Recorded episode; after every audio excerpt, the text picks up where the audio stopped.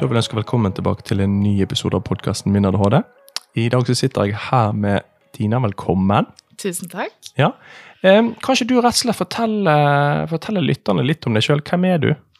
Jeg er Tina. Teien heter jeg. Eh, jeg er 39 år, fra Oslo, og jeg har ADHD. Ja. Og eh, noen av lytterne våre vil nok kjenne igjen sikkert både stemmen og navnet, for du har jo faktisk vært med på bl.a. Farmen. Mm. Mm, og det skal vi komme tilbake til litt senere. Ja.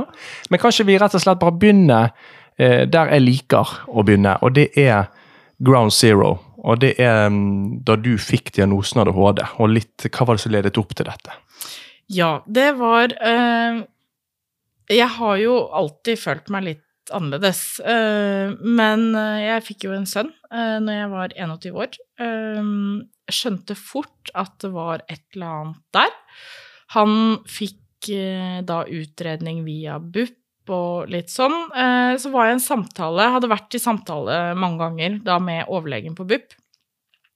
Så sier han eh, litt sånn Jeg trodde han fleipa eh, først. Så sier han eh, Har du vurdert å teste deg for ADHD? Uh, så sier jeg nei, jeg har jo ikke ADHD, er du gæren? Uh, så han bare nei, eh, han tenkte kanskje at jeg skulle sjekke ut det, da. Ja, men, men Tenkte han det bare på, på bakgrunn av at han vet at det er høy arvelighet, eller var det liksom sånn han så litt på måten du var på og Han hadde jo da blitt kjent med meg Ja, over en periode, Ja. og jeg hadde jo da fortalt litt om meg selv og mine utfordringer. Mm. Ehm, så sendte han meg hjem med en brosjyre om voksne, og jeg tror det var om jenter med ADHD òg, faktisk. Begynte jeg å lese på den, og jeg tror det sto sånn, sånn ti punkter eller noe, så jeg bare sjekk, sjekk, sjekk på alle punktene. Eh, så kom jeg tilbake til neste gang, og så sa jeg du, jeg lurer på om kanskje ikke jeg skal ta en sånn utredning, jeg. Ja, Så sånn fikk jeg diagnosen. Da var jeg 24 år. ja. ja. Og hvordan, eh, hvordan forholdt du deg på en måte til det når du fikk den? Var det Eh, det var en veldig lettelse. Eh, enorm lettelse. Jeg følte at eh, bitene falt på plass. For jeg, jeg har jo alltid liksom slitt med et eller annet. Altså, det har jo vært et eller annet. Jeg har Ja. alltid følt meg litt unormal. Eh, så da liksom bare Å, det er derfor. Altså, det er liksom ja, Det ga liksom forklaring på en Ja. del ting, da? det ga veldig forklaringen på ting. Så, så for meg så var ADHD-diagnosen en kjempelettelse. Eh, Jeg følte liksom det at jeg eh, sleit på skolen, og det at jeg eh, ble ansett som et problembarn, da, veldig problembarn, det, det ga plutselig litt fornuft. Altså, det ga litt mening. Mm. Um, så nei, jeg, for min del så var det en lettelse å få det. Ja, Men jeg tenker, ok, en alder av 24, og nå nevnte du liksom at du ble ansett som liksom problembarn på skolen. Så hvordan var du egentlig på når du, eh, altså i i barndommen og ungdomsårene? Og jeg var pøbel. Ja, det var det. Ja, jeg var ordentlig pøbelbarn. Eh, Jeg, jeg husker at jeg, jeg I engelsk og norsk, da, fordi det likte jeg veldig godt, Ja. da, da syntes jeg det var greit. Fordi da klarte jeg å henge med og sånn. Jeg eh, likte de fagene veldig godt. eh, Så, så jeg, jeg trodde jo at jeg var dum i matte og Altså, jeg trodde jo det var det som var problemet. At, jeg, At du rett og slett var dum? ja. Ja. Eh, Fordi at jeg hang ikke med. Så jeg, jeg husker at jeg satt i timene og drev også bretta sammen sånne papirlapper og drev og kasta på folk og altså Jeg gjorde alt mulig pøbelstreker. Ja.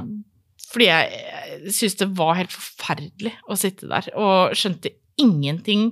Og skulle få noen oppgaver. Jeg skjønte ikke bæret og hang ikke med og Ja. Nei, det var, det var grusomt. Og det er vondt å sitte og skulle følge med.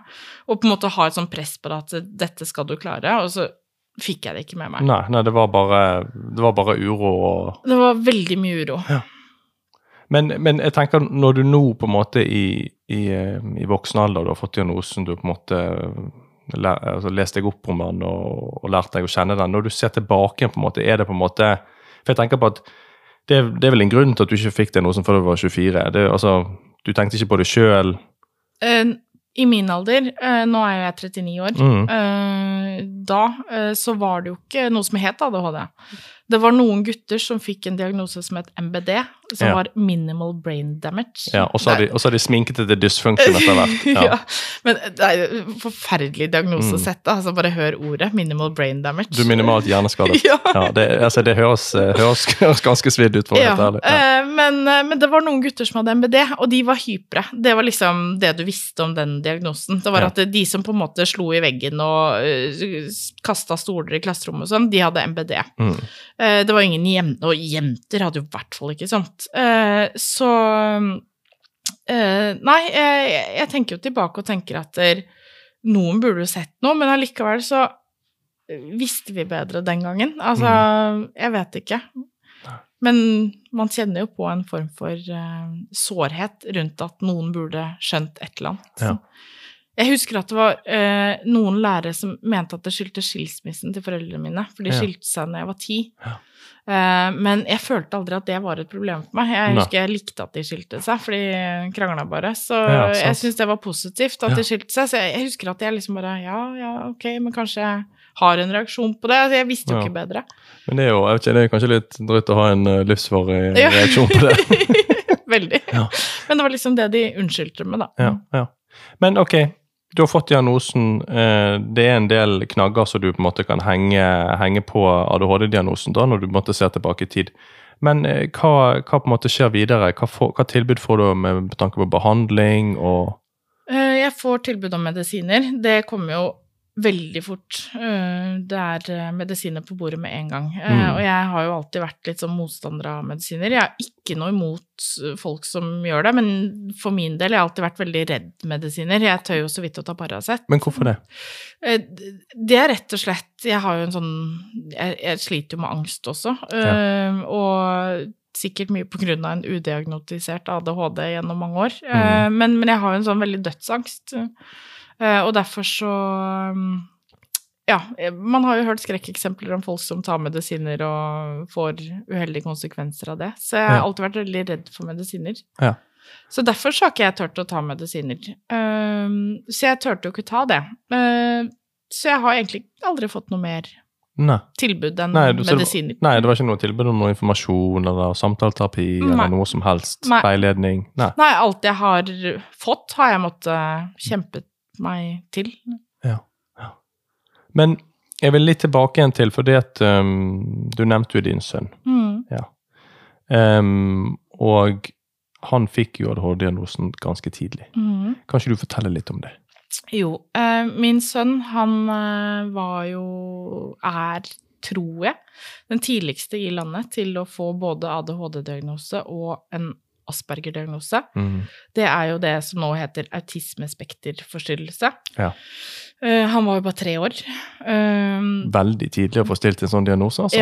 Ja. Var jo, han var jo bare seks måneder allerede når jeg skjønte at det var et eller annet. Ja. Så Hva, hva var det du merket det på? liksom? han hadde ikke språk. Altså, jeg, jeg så andre babyer på seks måneder som satt og liksom sånn bla, bla, bla. Altså, Mm. De sitter og babler. Ja, ja. Eh, Han sa ingenting. Han satt og smilte og liksom hang med, men han hadde ikke en lyd. Så først så trodde jeg han var døv eller stum. Ja.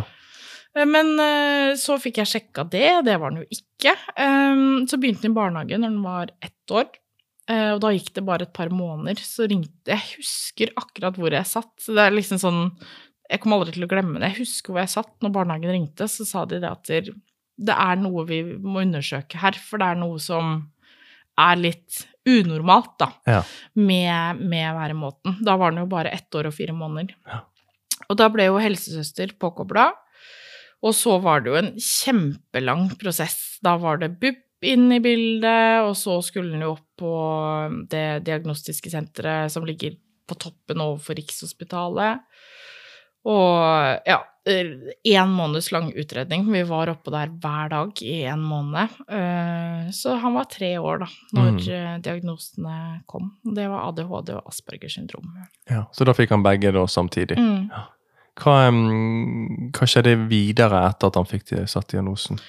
Eh, Da ble det jo Fordi jeg hadde jo da Jeg har jo vært helt alene med sønnen min eh, Ja. siden han var eh, noen måneder gammel, bare. Eh, 100% alene. Ja. Eh, Far har aldri vært inne i bildet. Så jeg har jo Jeg har jo skjønt fra han som sagt var liten, at han er mer krevende enn andre barn. Mm. Han krevde jo veldig mye, eh, og har jo på en måte søkt hjelp, men ikke fått noe. Men da, plutselig, så var det noen som skulle hjelpe til. Da var det liksom, da ble plutselig kommunen påkobla, og bydelen, og eh, da ble det jo satt i gang et apparat. Da, da Mm. var det jo ansvarsgruppemøter, og han måtte få mer hjelp i barnehagen og én-til-én, og ja. Da var det jo plutselig litt mer som skjedde. Ja. Men um, var du fornøyd med den oppfølgingen du fikk? Eh, Overhodet ikke. Nei. Kan du utdype? Ja. Eh, det må jeg si. Det å ha et barn eh, som krever litt mer enn normalt, det unner jeg ikke min verste fiende. Eh, vi bor i et eh, Det som skal være et av verdens beste land å bo i, men eh, det er for de som fungerer helt optimalt. Eh, fordi hvis eh, du ikke gjør det, da Og spesielt, da. Altså nå skal ikke jeg si noe om det eller det, fordi alle kan ha forskjellige opplevelser, men sånn som hvis du har Asperger og ADHD, så faller du veldig mellom to stoler. Ja.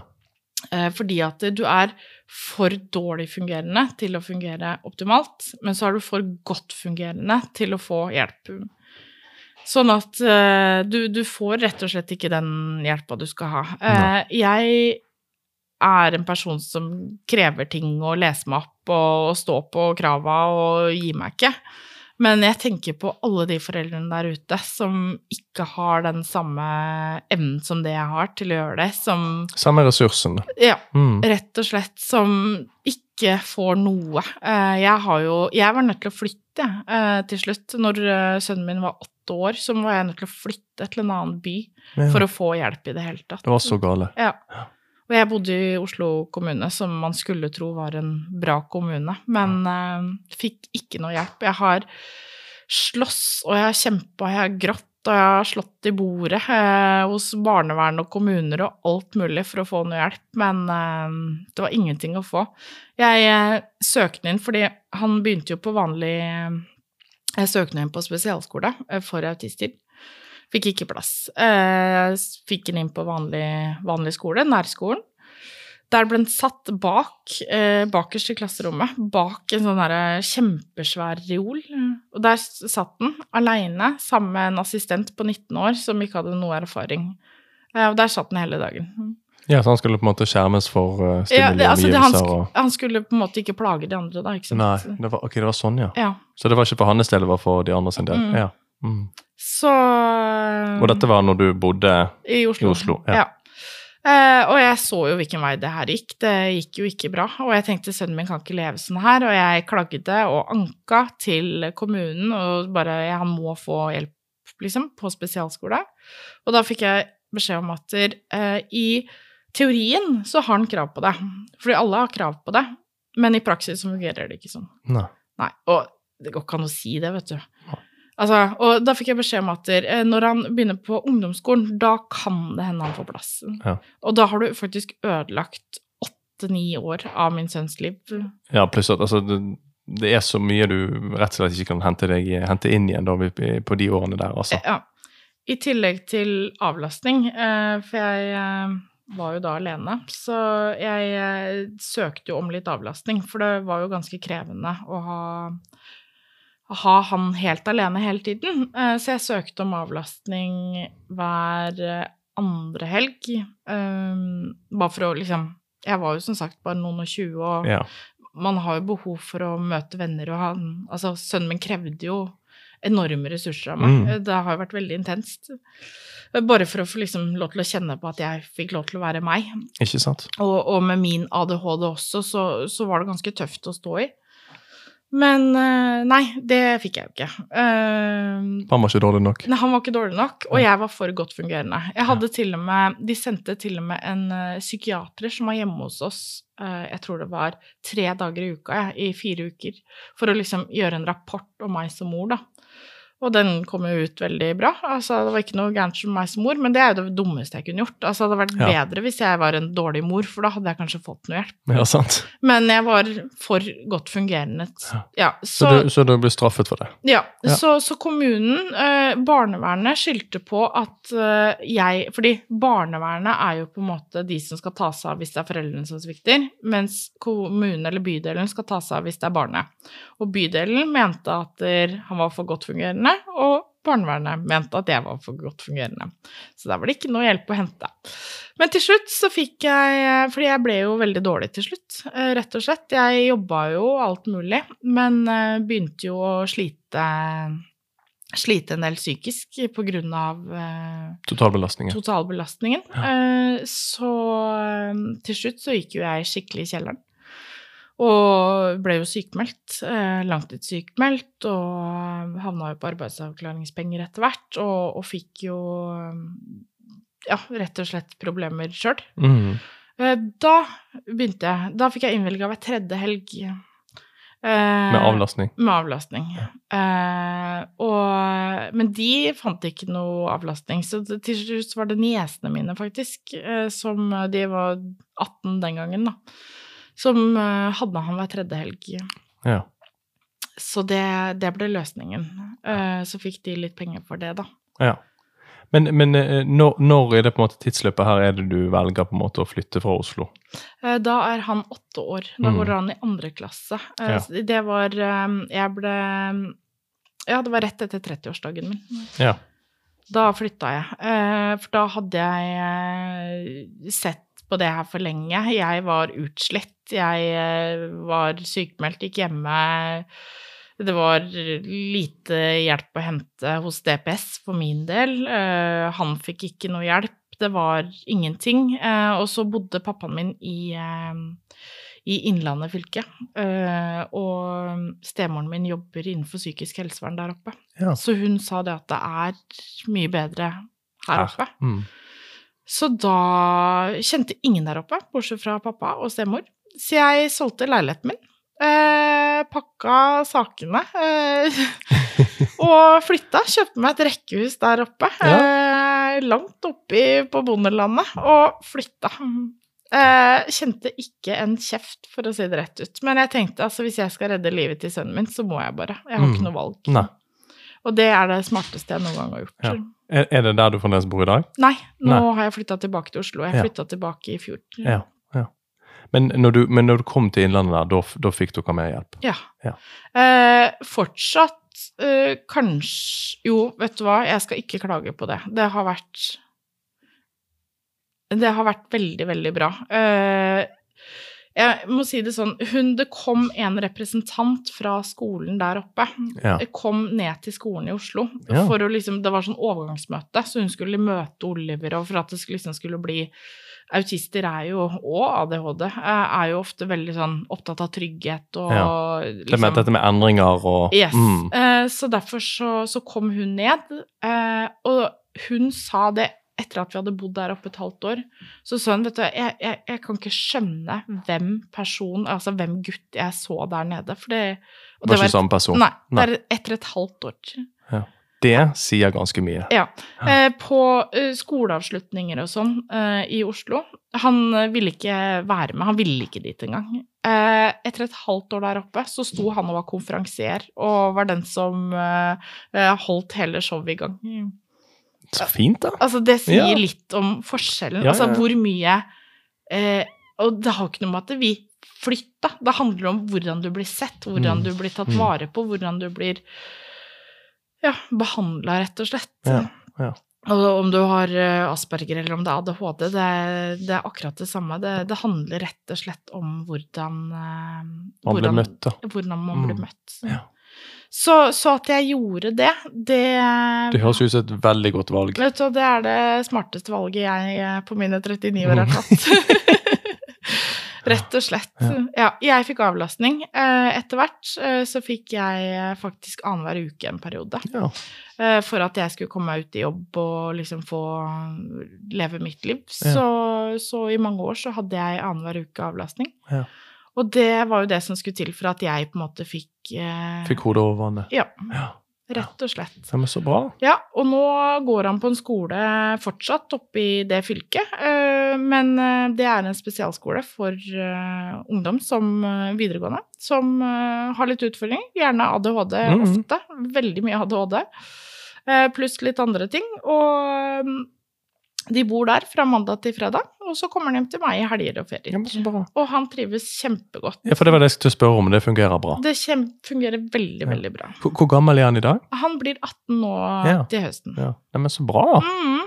Det er så fint at, at, at historien i hvert fall foreløpig har fått det ganske bra Men det er jo et tankekors det at du faktisk må flytte fra hele familien Mm. din og alt av venner og selge leiligheten din og flytte til en helt annen by for at du skal få hjelp. skal få hjelp. Ja, det, det er faktisk Det er helt sinnssykt, for å Ja, være helt ærlig. Det Ja. er faktisk helt sinnssykt. Altså, jeg hadde jo heldigvis pappa der oppe, Mm. eh, men det er jo ikke alle som har en forelder i en annen by.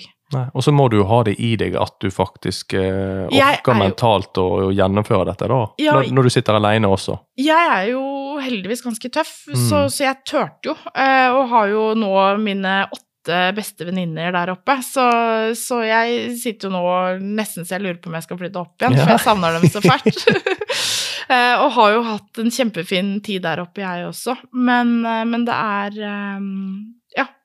Det er ikke alle det er så lett Altså, Nei. det går så bra for, da. Jeg er jo en sånn som prater med alle og blir fort kjent. Det er jo ikke alle som, som er sånn. Så, men det skal ikke være sånn nei, nei. i nei, nei. Norge AS at du må flytte til en annen by for å få hjelp. Men, det- men det jeg er litt redd for, det er det at eh, når, når denne podkasten kommer ut, og folk sitter og lytter på det her, så er jeg redd for at det er ganske mange som kjenner seg igjen i historien din. For Det- jeg er helt sikker på at dette er ikke unikt. Nei. Dessverre. Mm. Og det er, det, det er også ganske skremmende. Mm. At, det, at det, jeg, tror- jeg tror det er mange, mange som har de utfordringene der. Mm. Ja.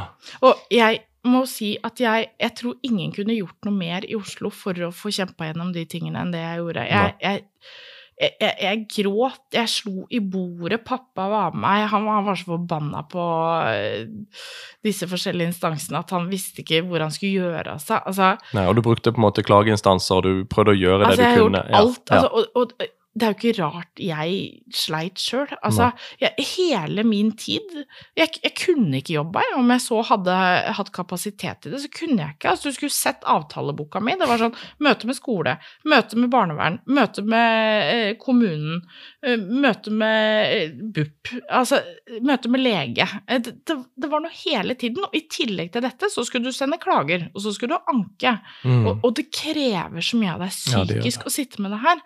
Og du skal sitte og på en måte fortelle om hvor forferdelig dårlig fungerende sønnen din er, som du elsker over alt på denne jord. Mm. Det er ganske psykisk belastende også. Ja, absolutt. Ja.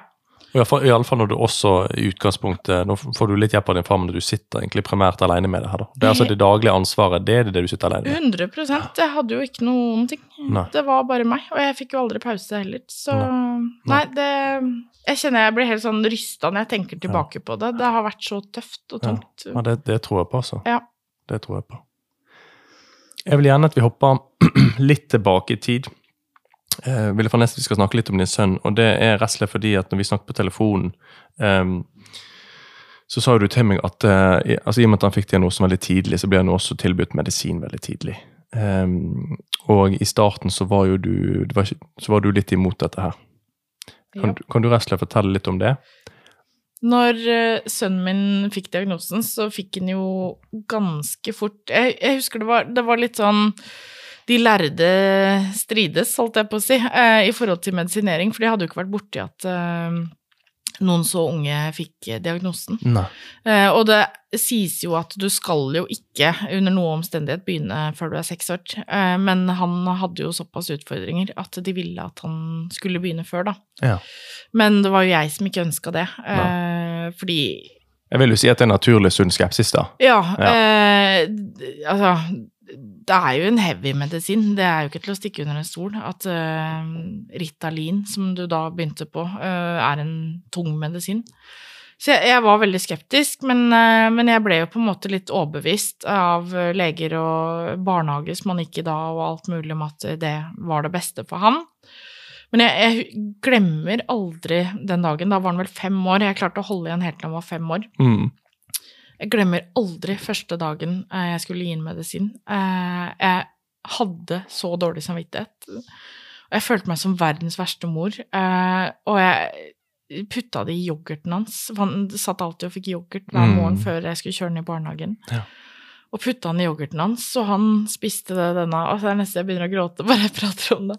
Og han spiste denne yoghurten med stor glede og iver. Og jeg husker jeg måtte gå på kjøkkenet så ikke han så det, og jeg sto og gråt. og ja, nei, jeg syns det var helt forferdelig å drive og dytte i sønnen min eh, sånne ting. Men eh, det skal jo sies at det har hjulpet han mye på skolen. Ja, det har det, ja. Det har det. Eh, Det har vært en lang utprøving med forskjellige medisiner. Det tok mange år før vi fant den riktige Men og det er jo bare positivt, tenker jeg. Ja, den riktige mengden og alt mulig, men det har fungert veldig bra. Men uh, i, eh, mens vi er inne på det, så må jeg også bare si at oppfølgingen på ADHD-medisiner er jo altfor dårlig. Amen. Amen. Uh, fordi uh, nå, rett før jeg skulle inn på Farmen, faktisk, så var det tilfeldig at vi skulle til legen for at han skulle få ny resept på medisiner. Og da var det tok de og skulle sjekke pulsen hans, som er normalt å gjøre. Ja. Eh, og den var jo skyhøy. Så da ville jo legen ta en EKG, og da fant de jo et eller annet som var litt rart. Eh, ble sendt på sykehuset, og EKG-en viste at det var jo ikke noe overhengende fare nå, men pulsen var jo skyhøy. Og nå har vi faktisk, ja, nå er det jo snart et år, da. Nå var det to uker siden, så var vi på siste, hos siste kardiologen. Det har vært eh, mange runder på sykehus og hjertemåler i eh, et døgn, og det har vært eh, mye. Og han har jo da fått det som heter forstørra hjerte, Ja. av langvarig medisinbruk. Ja. Mange toppidrettsutøvere har også dette, fordi de går med så høy puls for lenge. Mm. Og det er også en bivirkning av ADHD-medisiner. Ja. Og oppfølgingen når du går på ADHD-medisiner, er for dårlig. Eh, så en oppfordring til alle som går på det, eller har barn som går på det, ta heller og sjekk en gang for mye enn en gang for lite. Eh, for eh, det er ikke bra å gå med så høy puls for lenge. Det går bra med sønnen min nå, og han har slutta på medisiner. Mm. Han kan, eh, hvis han vil, begynne på det etter hvert, når han har fått litt mer kontroll på pulsen, begynt å komme litt bedre form og sånn. Men eh, det er i hvert fall ikke noe overhengende fare nå, men, eh, men, eh, Men det er jo skummelt, da. det er veldig skummelt. Så og så er jeg litt sånn, nå er jeg litt sånn usikker på hva som er på en måte altså, hva som egentlig er på en måte rutinene og prosedyrene på det her. Men nå, jeg har hørt at noen har sagt at du skal egentlig inn jevnlig for når du går på ADHD-medisin for å sjekke hjertet og sånne type ting. Men jeg kan jo huske når jeg var, jeg gikk på medisin fra jeg var 9-10 til jeg var 18. Jeg kan ikke huske en, altså kan godt hende de testet meg helt i starten, så jeg ikke husker, men jeg kan ikke huske at jeg har fått noe som helst oppfølging, sånn sett, bortsett fra å sitte på kontoret til psykiateren og spørre hvordan går det, går det greit, sånn og sånn, og så fikk jeg en ny 200-pakning med Ritalin, 10 milligram. Ja. Det var sånn det på en måte var, og jeg er litt sånn, jeg, tenkte litt på det i etterkant, for jeg har jo drevet med toppidrett, utholdenhetstoppidrett, Mm. og så har jeg gått på, så jeg har liksom gått medisiner, Ritalin, fra jeg var 9-10 til jeg var 18, og så har jeg gått trent knallere to økter for dagen fra jeg var en 19, rundt 18-19 til jeg var en 4-5-26. Så jeg tenkte sånn du blir, Jeg blir jo litt skremt når jeg Mm. leser og tenker, liksom, så jeg tenkte i etterkant liksom at kanskje jeg skal gå og sjekke hjertet. Da Ja. For da har du egentlig hatt en dobbel belastning på hjertet ditt, sånn risikobelastning over lang tid. Og Mm. jeg, Det var jo bare en digresjon, det her, da, men jeg tenker liksom, som du sier ta, ta og Be legen om å faktisk følge, eh, følge godt nok opp. fordi at dette her er jo faktisk eh, ikke altså Det er ikke sånn å, hysterisk. Dette er jo faktisk eh, er fakta, da. Mm, det er det. Og, og det er ikke bra, rett og slett, for hjertet og Altså, det er i hvert fall Altså, jeg sier ikke at det gjelder alle, men ta i hvert fall sjekk det. Altså Ja, hvorfor ikke? Ja, hvorfor ikke bare ta en tur til legen hver tredje måned og bare sjekke puls og Mm. ta en EKG, da, bare for å sjekke. Det skader i hvert fall ikke. Men, men jeg tenker altså, Hvis du tenker på, på hvor potent noen av disse ADHD-medisinene er, spesielt stimulantene, sant? de er ekstremt potente. Og så for eksempel har du bare vanlige mennesker som går på blodtrykksmedisin, hjertemedisin, alt mulig.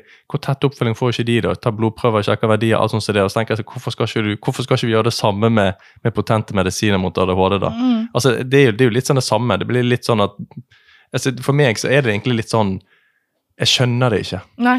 Nei, og, det, og dette vi snakket om det før, liksom, podden, men jeg, bare, jeg forstår det bare ikke hvorfor det er så i utgangspunktet så dårlig og vilkårlig oppfylling, da. Nei, og, og jeg, eh, jeg, kjenner jo veldig på det i mammahjertet at eh, jeg har drevet og gitt medisin til sønnen min som har gitt den et forstørra hjerte. Det er jo ikke noe god følelse. Men, men, igjen, hadde han klart seg gjennom skolen i det hele tatt hvis han ikke hadde gått på de? Altså, det mm. blir jo sånn Ja da. Du vet jo ikke. Men, men, allikevel, ta i hvert fall og sjekk. Det mm. er min oppfordring ja. til alle der ute som ja. Eh, går på medisiner. Tenker jeg absolutt. Ja.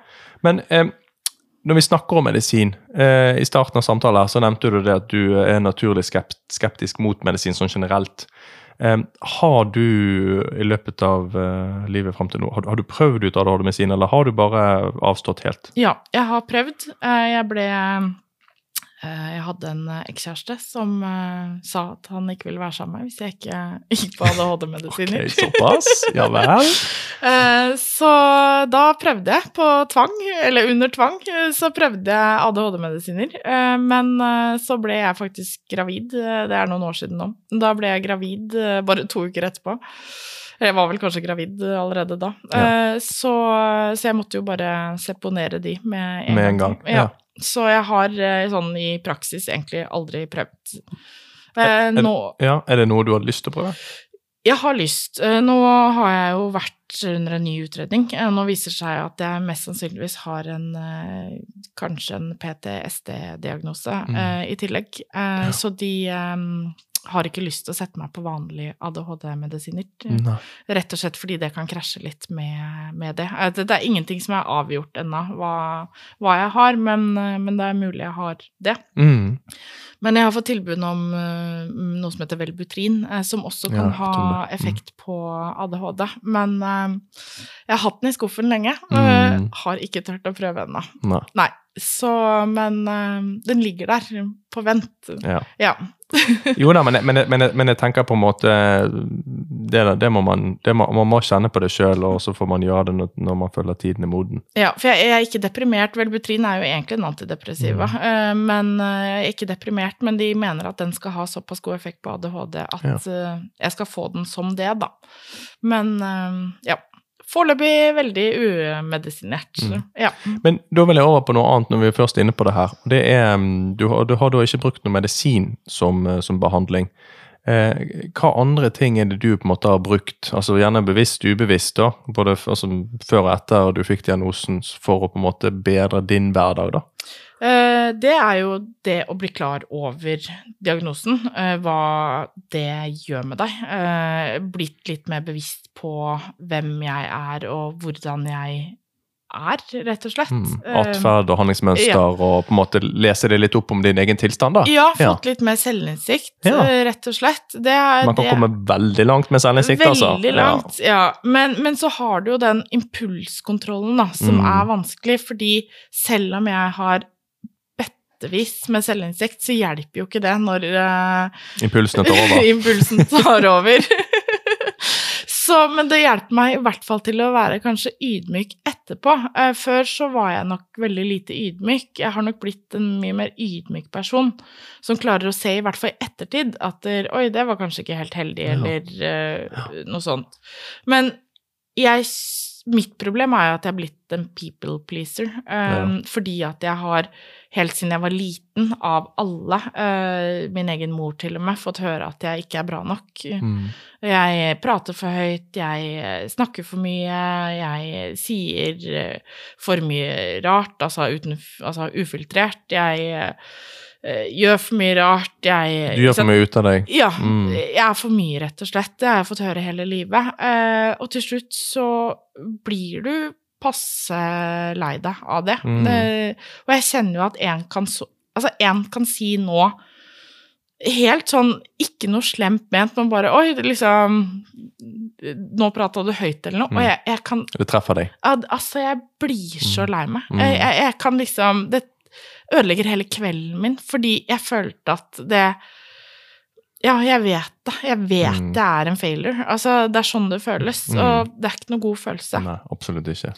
Uh, og mm, Ja, nei, uh, det, det gjør at du uh, blir en people pleaser. Mm. Du begynner jo å liksom Folk som på en måte kanskje trekker seg litt unna fordi du har vært for mye, eller et eller annet, så begynner du liksom å du, du skal please hele tiden, da. Mm. Uh, og jeg blir livredd hvis jeg merker at en venninne kanskje er litt sur på meg. Altså som er Mm. kanskje vanlig i et vennskap, Ja. at venner er sure på hverandre. Man men- blir veldig sensitiv Å, på den biten der. Mm. jeg har Mm. blitt så høysensitiv, Mm. eh, og, og spesielt for avvisninger og sånne ting. Jeg har Mm. blitt så sensitiv for Det sånne er, ting. men det er veldig typisk det, nettopp av de grunnene du sier. sant? Det er, jo, det er jo litt dette her med når man går fra på en måte barnsben av og hele tiden får denne negative feedbacken, da blir jo du ekstremt selvbevisst.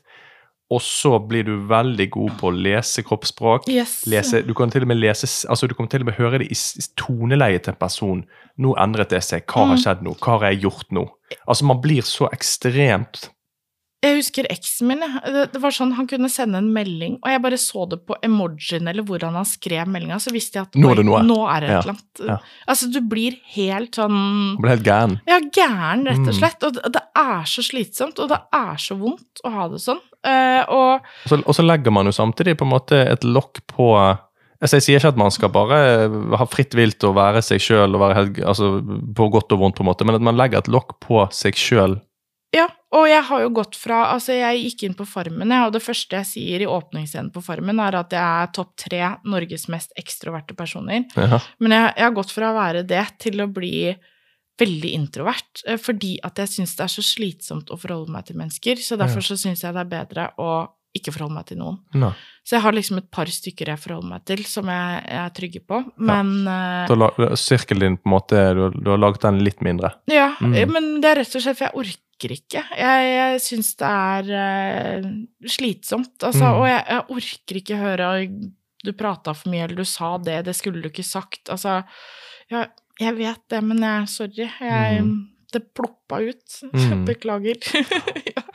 Og, og, men men jeg, synes, jeg, tror det, jeg tror det er mange av oss med ADHD som på en måte eh, kan ha det der, altså utfordringer med akkurat den biten der. Og det går jo på en måte litt på, på måte hvordan vi forholder oss til relasjonene våre. da, sant? Mm. Om det er perifere venner eller nære venner eller familie. Fordi ja, altså vi kan altså, si at vi er litt mye, da.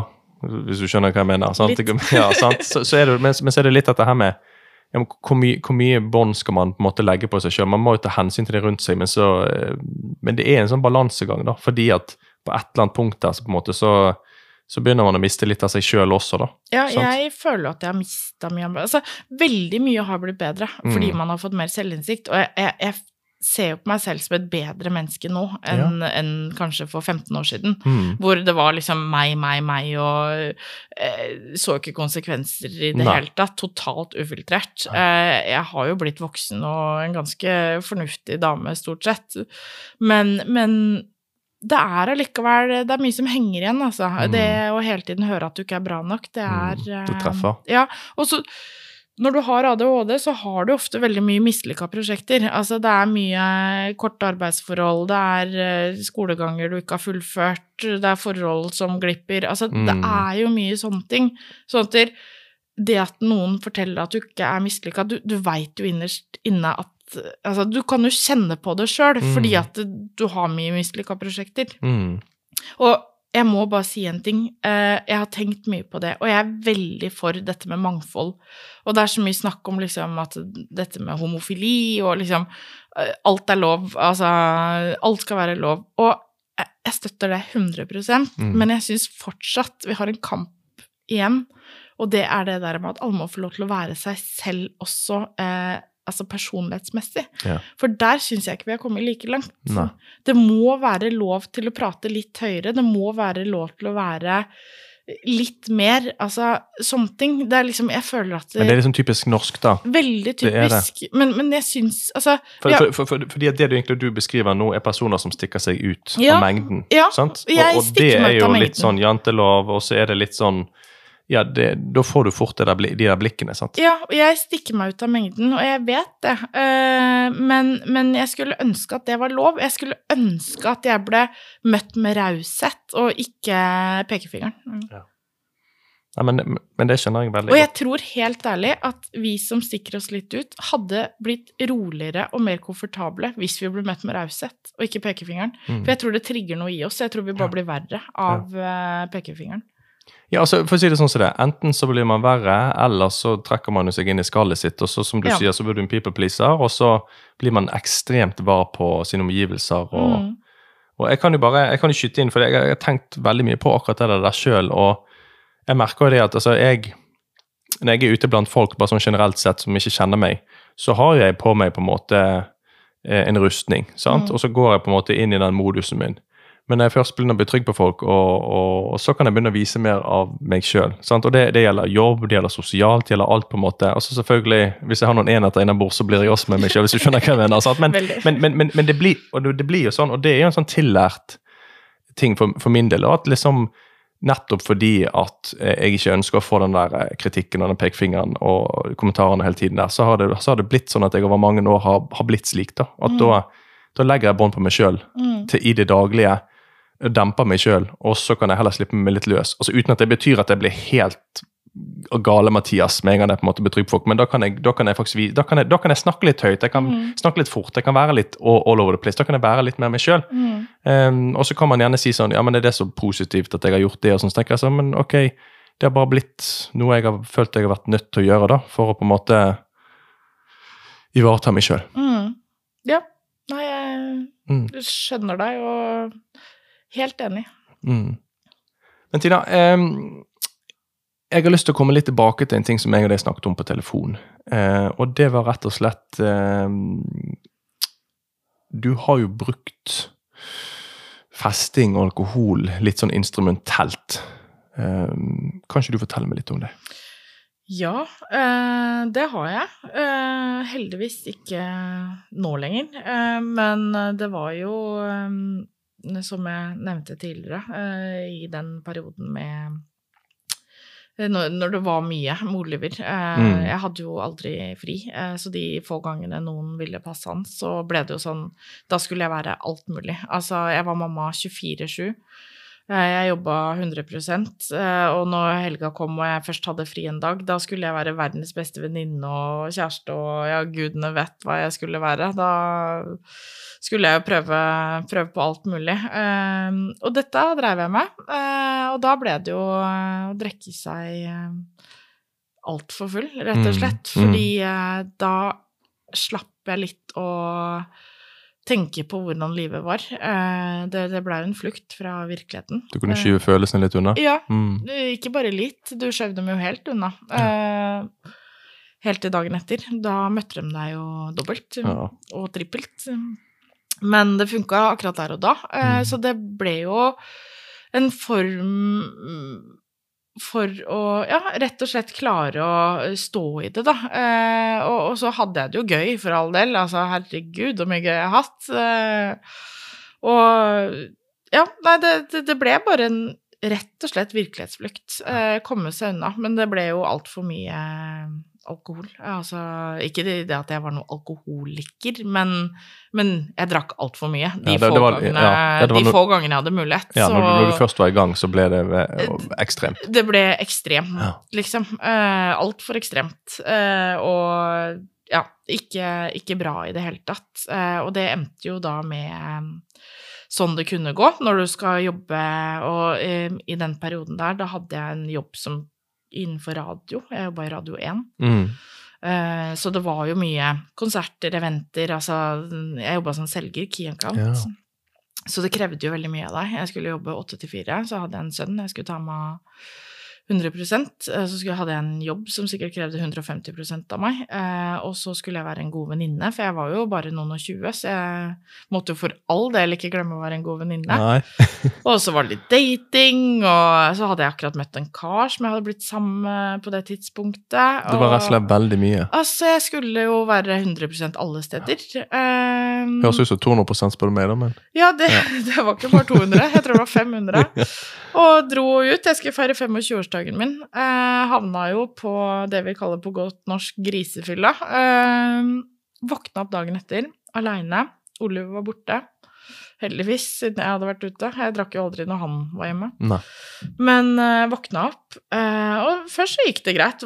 Vanlig, normal fyllesyk. Mm. Og så gikk det en halvtime, og så satt jeg i sofaen, og det bare svimla helt. Det gikk helt rundt for meg. Eh, og jeg bare Herregud, hva er det som skjer? Altså, jeg er 25 år i dag. Altså, skal jeg dø på 25-årsdagen min?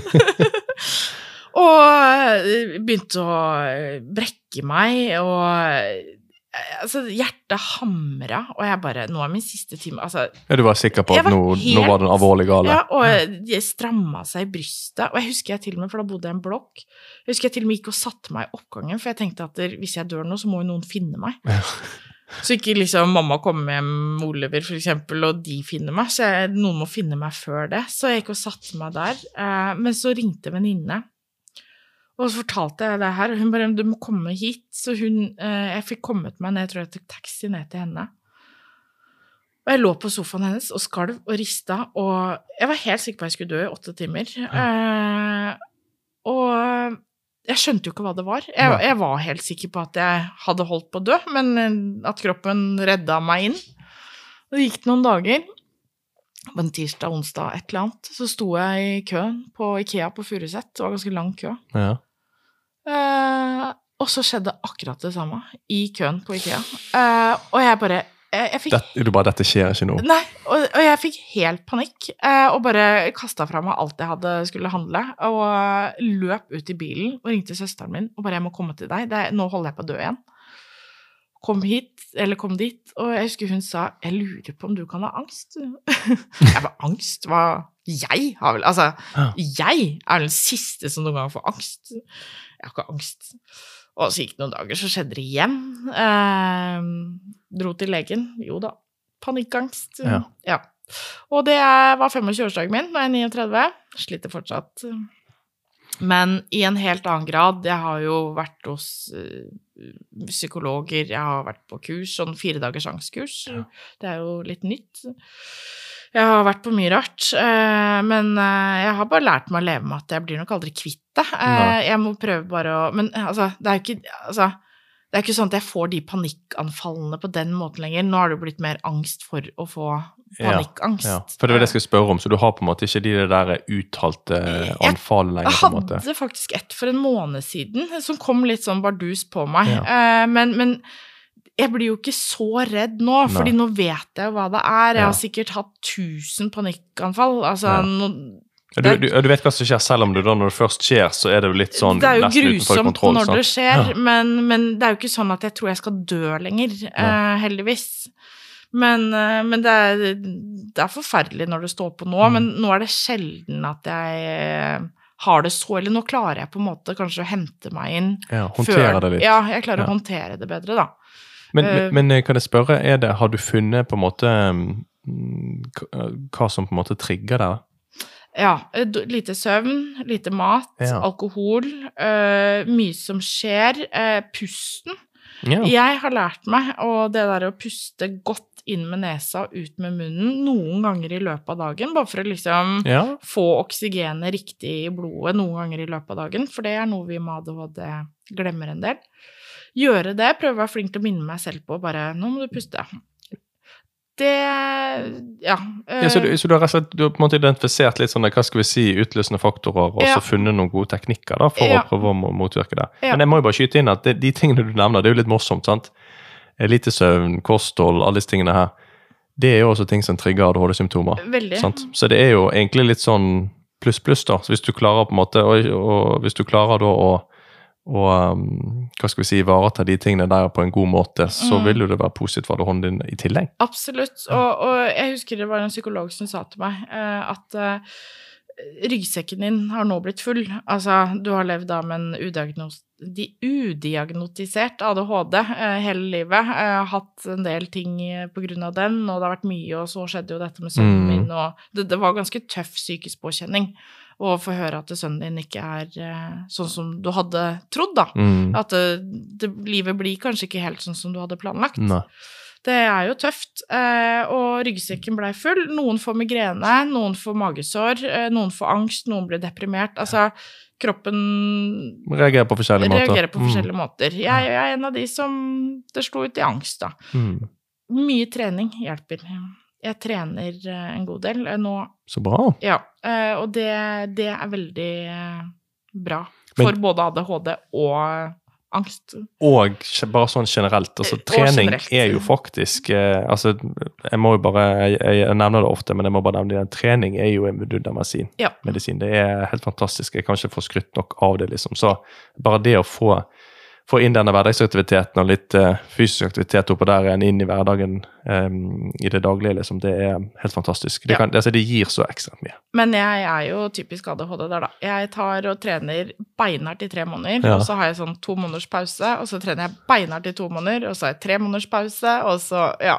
Jeg får det ikke til å bli Nei, du, får ikke, du, får ikke, du har ikke fått det til å bli en skikkelig vane Jeg får ikke strukturen Altså, jeg har drevet med dette i sikkert 15 år. Ja. Eh, jeg får det ikke til å bli uh, For plutselig så er det mye som skjer, da. Så, så nå Mm. så har det vært masse som skjer hver helg, og så er jeg sliten mandag, tirsdag, onsdag, og så ja, nei, da ryker treninga, og så plutselig så trener jeg, og da ryker alt annet, Ja. og så, ja, sånn Det, er- det, det, det er liksom enten-eller, det er ikke Ja, noe mellomting. Nei, Nei. jeg får ikke til den mellomtingen. Men nå har du heldigvis en del år igjen på å prøve å få det inn, da. Det er sant. Det er godt. Jeg håper det i hvert fall. Ja.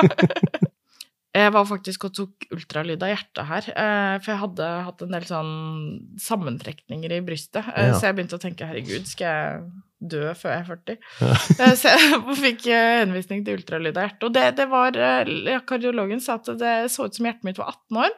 Ja. Så jeg tenker at der, eh, jeg skal i hvert fall ikke dø av hjertet med det første. Nei, og så tenker jeg at der er enda en god, unnsky eh, god, eh, god unnskyldning skulle til å si, til å, til å hoppe på, eh, på det jevne treningstoget. Ja, det er jeg enig Ja, i. Ja. Men Tina, um, du, du er jo Du begynner jo etter hvert å bli ganske godt kjent innenfor såkalt reality. Så, Ja. ja, så det, det må vi snakke litt om. Kan ikke du rett og slett fortelle meg litt om denne reality-karrieren din? Jo, den har jo blitt uh, lang. Nei da, den har ikke blitt lang. Uh, Kunne blitt lang. det, vil jeg si. det kunne blitt lenger. Heldigvis ble den ikke Ja. Og det er ikke sikkert det er slutt ennå. Hvem nei. vet? Hvem vet? Ja, nei, du, jeg starta jo denne Altså, reality-karriere høres jo helt Ja, jeg vet det, jeg vet det. Jeg var bare nødt, sorry. Ja, det går fint. Jeg var jo med i 2007. Da jobba jeg jo i radio, som sagt. Eh, da var det et program som skulle bli spilt inn, som het Single i byen. Det var rake motsetning til Jakten på kjærligheten. Ja. Eller det var akkurat det samme konseptet, men istedenfor at det var bønder, så skulle det være urbane mennesker. Ja. Jeg er jo prototypen på Oslo-jenta. Så jeg skulle jo da være en av de som ble presentert, og så Mm. skulle vi få brev eh, fra friere, og så skulle vi date da disse. Så det var jo det første jeg var med på, og så tenkte jeg ja, nå er jeg ferdig med reality. Men så satt jeg i fjor da, og så på finalen av Farmen. Eh, eller forrige fjor blir det jo nå.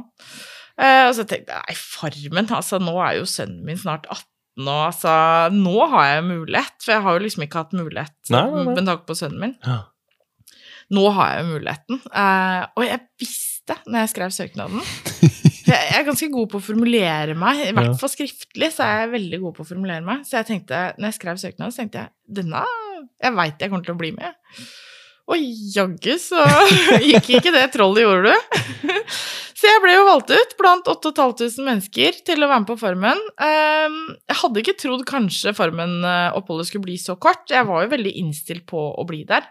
Du var vel innstilt på å vinne, du? Jeg skulle ha hytte, Ja. Altså, jeg var med ene og alene pga. hytta. Eh, så jeg var helt innstilt på å bli der. Eh, men det ble jeg ikke. Jeg ble ikke Ja, jeg ble knappe to uker.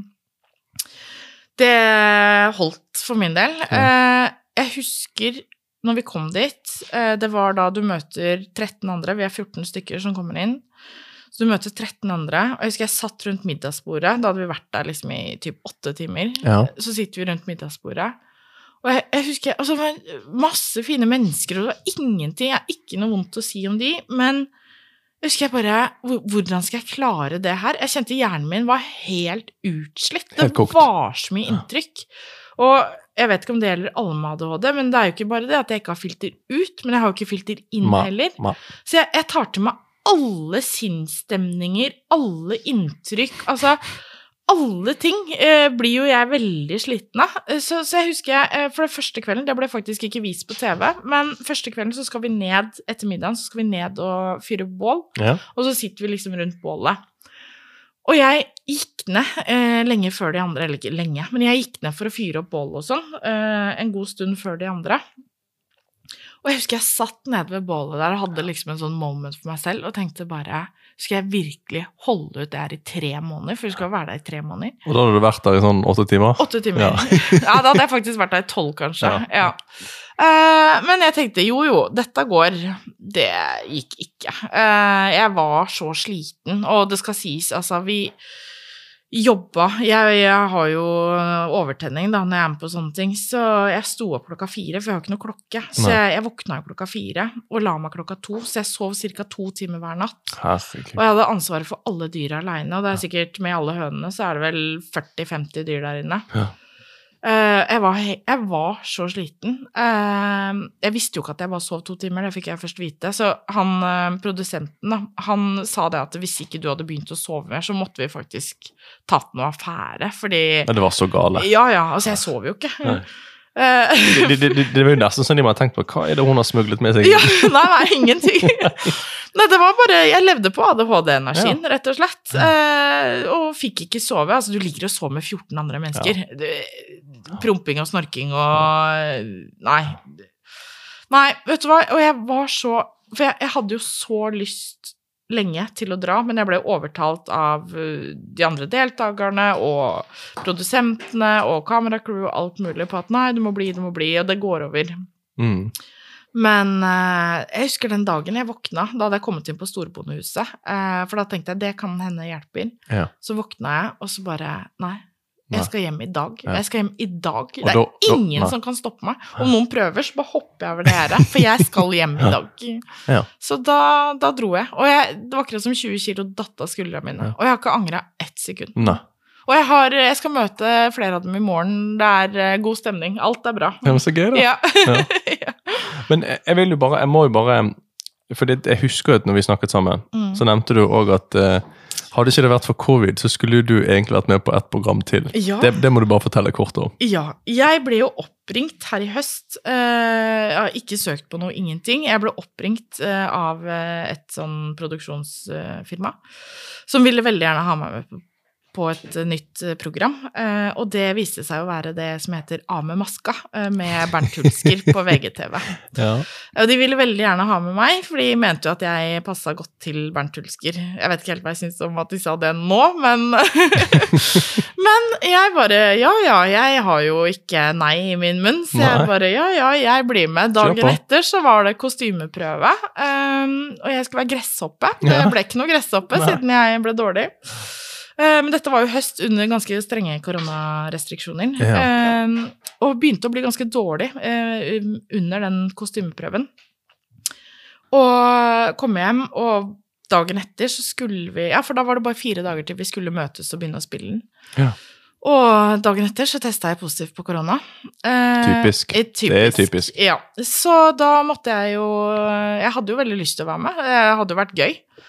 Men eh, fikk jo ikke det pga. korona. Og jeg kjenner jo i dag at med tanke på situasjonen, så kanskje det er like så greit Ja. at jeg ikke var med på det, uten å være stygg mot noen. Nei da. Ja. Men det kan, kanskje det er like så greit. Kanskje like så greit. Så korona saved me. så nei da. Jeg, men jeg er åpen for andre ting, og jeg. Ja, så da, vi så, så reality-karrieren er ikke over ennå, altså. Ja, jo, jeg tenker at den er det, Ja. men uh, Det, spør, det spørs hva som kommer. Ja, det spørs helt hva som kommer. Jeg skal ikke være med på noe Paradise eller noe ja. sånt. Det, det er helt uaktuelt. Nei. Nei, jeg har vært i dialog om det òg, for nå er det jo ny, eh, ny, eh, nytt konsept, men Eller, eller nytt konsept. Ja. Ja. Ja, men eh, nei. Hør hva de sier. Ja, men nei. Jeg, vet du, jeg trives veldig godt hjemme med livet mitt her, så det går, går nok greit uten. Høres veldig fornuftig ut. Ja. Nei, men Tina, em, tusen, tusen takk for at du kom med deg. Jeg syns det har vært en veldig, veldig kjekk og interessant prat med deg. Tusen takk for at jeg fikk lov til å komme. Det har vært veldig hyggelig.